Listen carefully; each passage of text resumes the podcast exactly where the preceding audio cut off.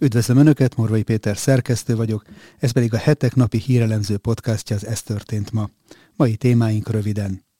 Megtörik a demokrata uralom az amerikai képviselőházban? A választ erre a kérdésre legkorábban holnap tudhatjuk meg. Megkérdeztük a brit külügyminisztériumot, hogy igaz-e a vád, miszerint ők felelősek a tenger alatti gázvezeték felrobbantásáért. Megérkezett a válasz Londonból, adásunkban ezt is ismertetjük. Az ATV vezérigazgatója nyilatkozott a Baranyi ügyről.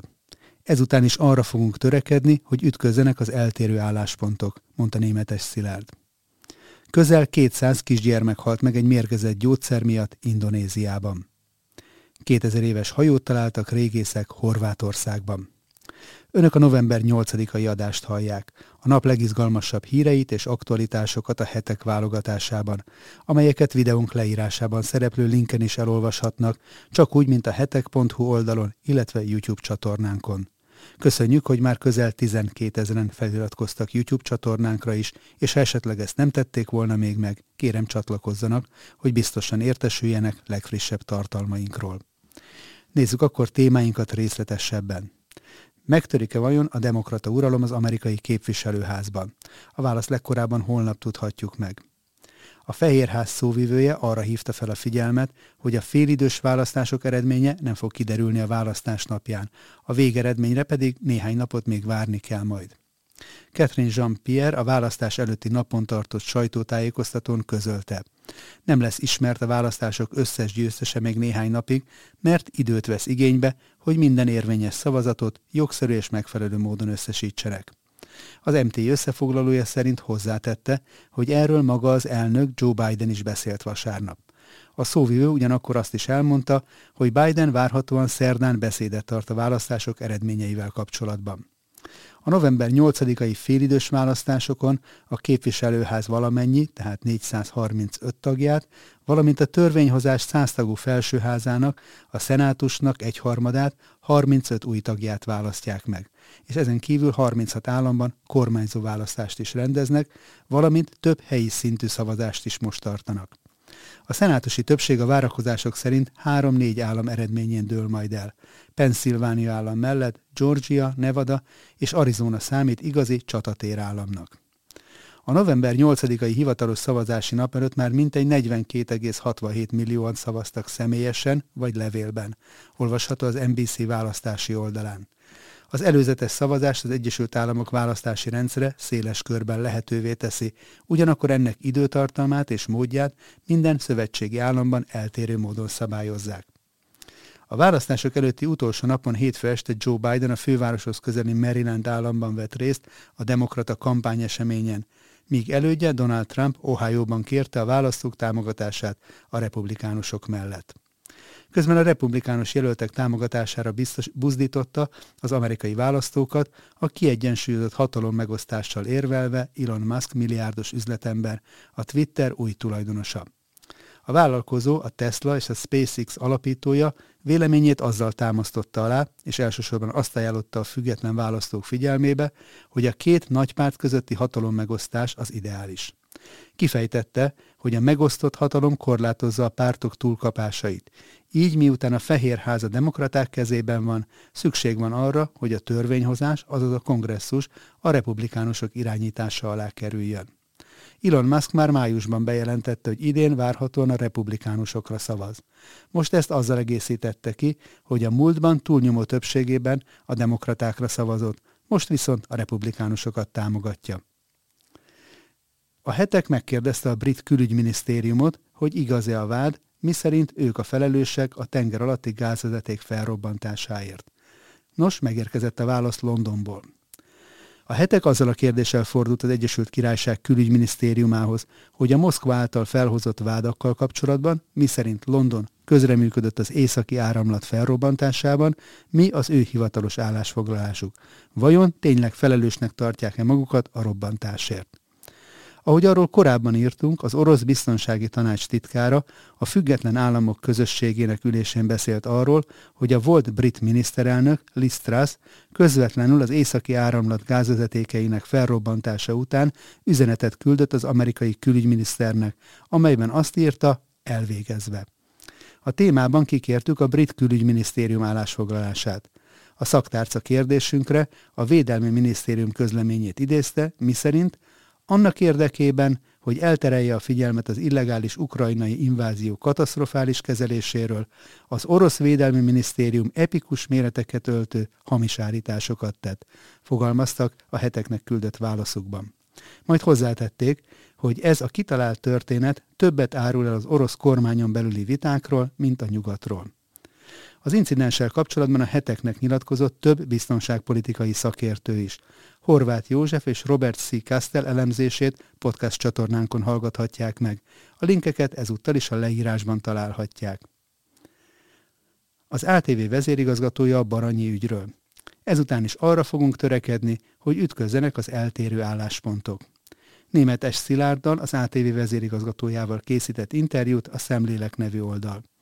A beszélgetés során szóba került politika, szakmaiság, hit, és nem utolsó sorban a nemrégiben kipattant baranyi botrány is.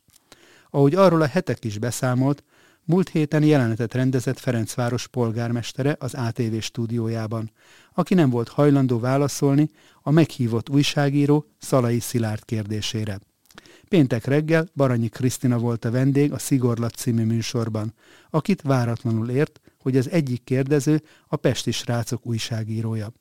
Erről az ügyről is megkérdezte a szemlélek az ATV vezérigazgatóját. Németes Szilárd az interjúban leszögezte, hogy az ATV stúdióiban a kérdezők korrekt kérdéseket tesznek fel politikusoknak, akiket nem ér atrocitás az interjúk során. Hozzátette, hogy a csatorna professzionális körülmények között nagy nyilvánosságot biztosít nap mint nap olyan politikusoknak, akik máshol erre kevés lehetőséget kapnak. Kijelentette, hogy ha eddig bárki jelezte, hogy nem hajlandó valakivel egy stúdióban lenni, a szerkesztők figyelembe vették a kérést, és erre ezúttal is megvolt a lehetőség. Arra a kérdésre, hogy hibázott-e valaki az esetnél, a vezérigazgató úgy válaszolt. Személy szerint nekem sem volt lehetőségem az egyetemen megválogatni a vizsgabizottságot egy szigorlaton, ennek a műsorelemnek sem véletlenül szigorlat a címe. De elfogadom szerkesztőink azon javaslatát, hogy a jövőben előre jelezzük, hogy kik lesznek a kérdezők. Németes Szilárd leszögezte ugyanakkor, hogy az ATV egy magántelevízió, ami úgy döntött, hogy nem kíván egyetlen politikai oldal szekértolója sem lenni. Hozzátette, ezután is arra fognak törekedni, hogy ütközzenek az eltérő álláspontok, a nézők pedig értelmesek, és el tudják dönteni, hogy kinek hisznek, kit tartanak hitelesnek, és kit nem. Az ATV vezérigazgatója szerint a meghívott vendég számára ráadásul vita érv tud lenni, hogy felhívja a nézők figyelmét, hogy a kérdezője milyen hitelességi deficittel rendelkezik.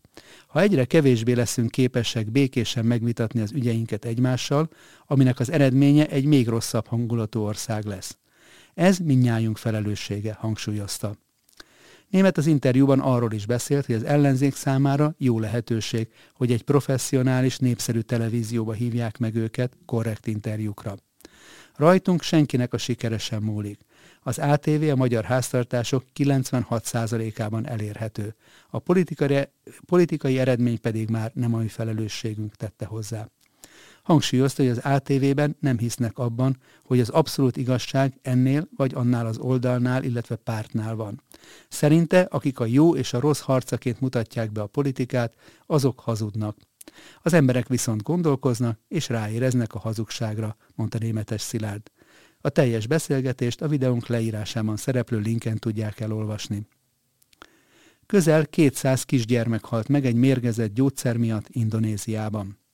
195-re emelkedett Indonéziában a halálesetek száma, amelyeket a szennyezett szirupos gyógyszer okozhatott. A dél-kelet-ázsiai országban augusztus óta megugrott a gyermekek körében a vesekárosodásos esetek száma, amelyet mérgezést okozó összetevőket tartalmazó szirupokhoz kötnek. Az egészségügyi tárca szóvivője sajtótájékoztatóján elmondta, hogy eddig több mint 320 ilyen pácienst regisztráltak, akik közül 27-en még kórházban vannak. A betegek többsége 5 évesnél fiatalabb. Az október végén közzétett legutóbbi adatok még 133 halálesetről szóltak. A történtek nyomán Indonézia ideiglenesen betiltotta az összes szirup alapú gyógyszer értékesítését, és megvizsgálta a gyermekek lázának csillapítására használt termékeket. A tárca szerint a vizsgálati eredmények azt mutatták, hogy a készítmények rendkívül nagy arányban tartalmaznak mérgező anyagokat, amelyeket ipari célokra, többek között fagyálók előállítására is használnak. Az egészségügyi minisztérium szerint időközben sikerült 246 fiolányi, kifejezetten ilyen típusú vesekárosodás elleni gyógyszert beszerezni. Az egyébként nagy eredményességgel használt szer többségét Szingapur és Ausztrália adományozta. Az indonéziai élelmiszer és gyógyszerügynökség öt szirupban talált veszélyes mértékben mérgező anyagot.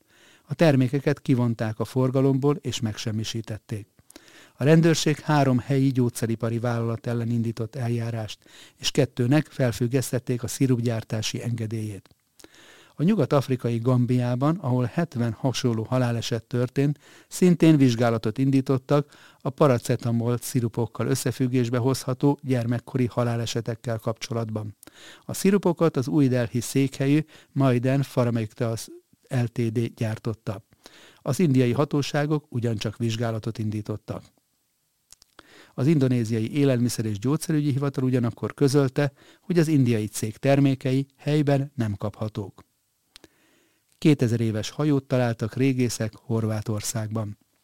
Egy több mint 2000 éves római hajóra bukkantak a tengerben az észak-dalmáciai Sukorsnál régészek mindössze két méteres mélységben. A Barbír nevű antik kikötőt még 1973-ban fedezték fel, de hosszú ideig nem történtek komolyabb feltárások a helyszínen. A most megtalált 2000 éves hajót homok borítja, körülbelül 3 méter széles, hosszából pedig eddig 9 méter tártak fel. A kiálló részek kivételével a lelet hihetetlenül jó állapotban van, annak köszönhetően, hogy maga a fa két évezreden át konzerválódott a homokban. A régészek mintát küldtek Franciaországba a hajó fa elemeiből, hogy kiderüljön, vajon helyi vagy más régiókból származó alapanyagról van-e szó. A hajó másik felének feltárását jövőre tervezik szakemberek, addig homokkal, kövekkel és geotextíliával védik a területet. Szeretnénk kiemelni a tengerből, és egyszer kiállítani valahol, esetleg itt, az egykori Szent Miklós templom épület együttesének helyén, ha lesz rá lehetőség és elég hely, mondta Mladen Pesic, a kutatás vezetője. Először a római kikötő szerkezetét vizsgálták meg a régészek, amelyet, amely két ütemben épült. Az első Krisztus előtti első évszázadból származik, amikor a kikötő még kisebb volt. Ez számos lelet bizonyítja többek között kerámiaedények és amforák, olajlámpások és üvegtöredékek, amelyek tengeri kereskedő hajókkal érkeztettek Sukorsba a mai Görögország, Törökország, Közelkelet és Olaszország területéről.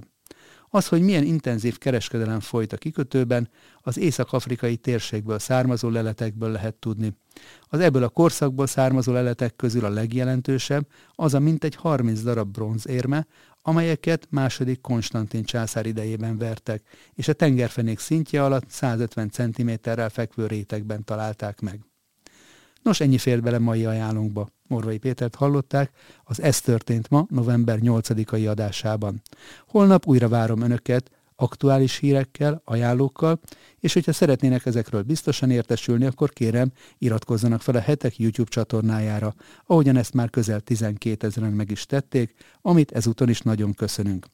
Akik pedig szeretnék támogatni a hamarosan 25 éves évfordulójához érkező hetek elemző, világértelmező munkáját, a leírásban szereplő linken találhatják meg az ehhez szükséges információkat. Köszönöm megtisztelő figyelmüket, további szép napot kívánok mindenkinek, a viszonthallásra!